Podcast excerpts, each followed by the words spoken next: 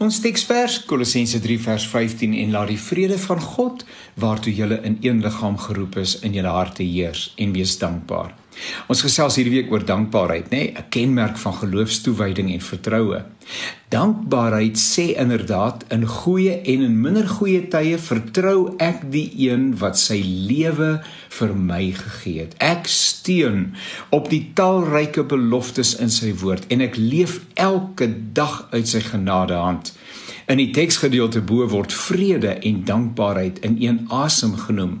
Trouwens, die vrede word gekontekstualiseer. Daar staan dit is die vrede wat in die liggaam van Christus moet heers. Ons is deel van een liggaam. Uiteraard is die kerk groter as die plaaslike gemeente en selfs kerkverband. Mense beleef God op verskillende wyse en hulle verpak dit op verskillende maniere in hulle belydenisse en kerklike praktyk. Spiritualiteit verskil van mekaar en geestelike volwassenheid is om daarvoor ruimte te maak wanneer 'n bepaalde groep of individu daarop aanspraak maak dat hulle en hulle alleen die waarheid weet het, is daar probleme. God is groter, ook groter as jou en my verstaan van hom.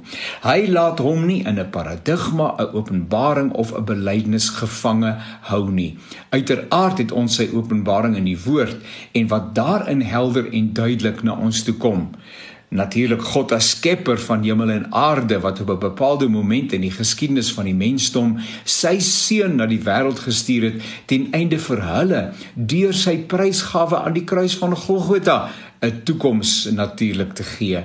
Sy gees lei ons in waarheid en werk die Christus natuur in ons.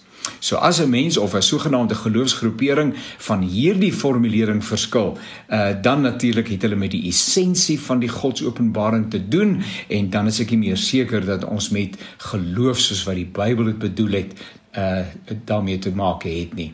Maar as ander sake waaroor mense onderling verskil en mag verskil. En dan is die sleutel vrede moet die deurslag gee.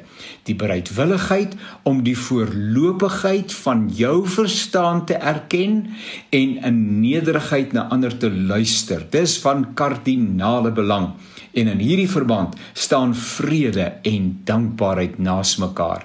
Dankbaarheid ook in die sin dat ons saam met ander op reis mag wees met die God wat alle verstand te bowe gaan.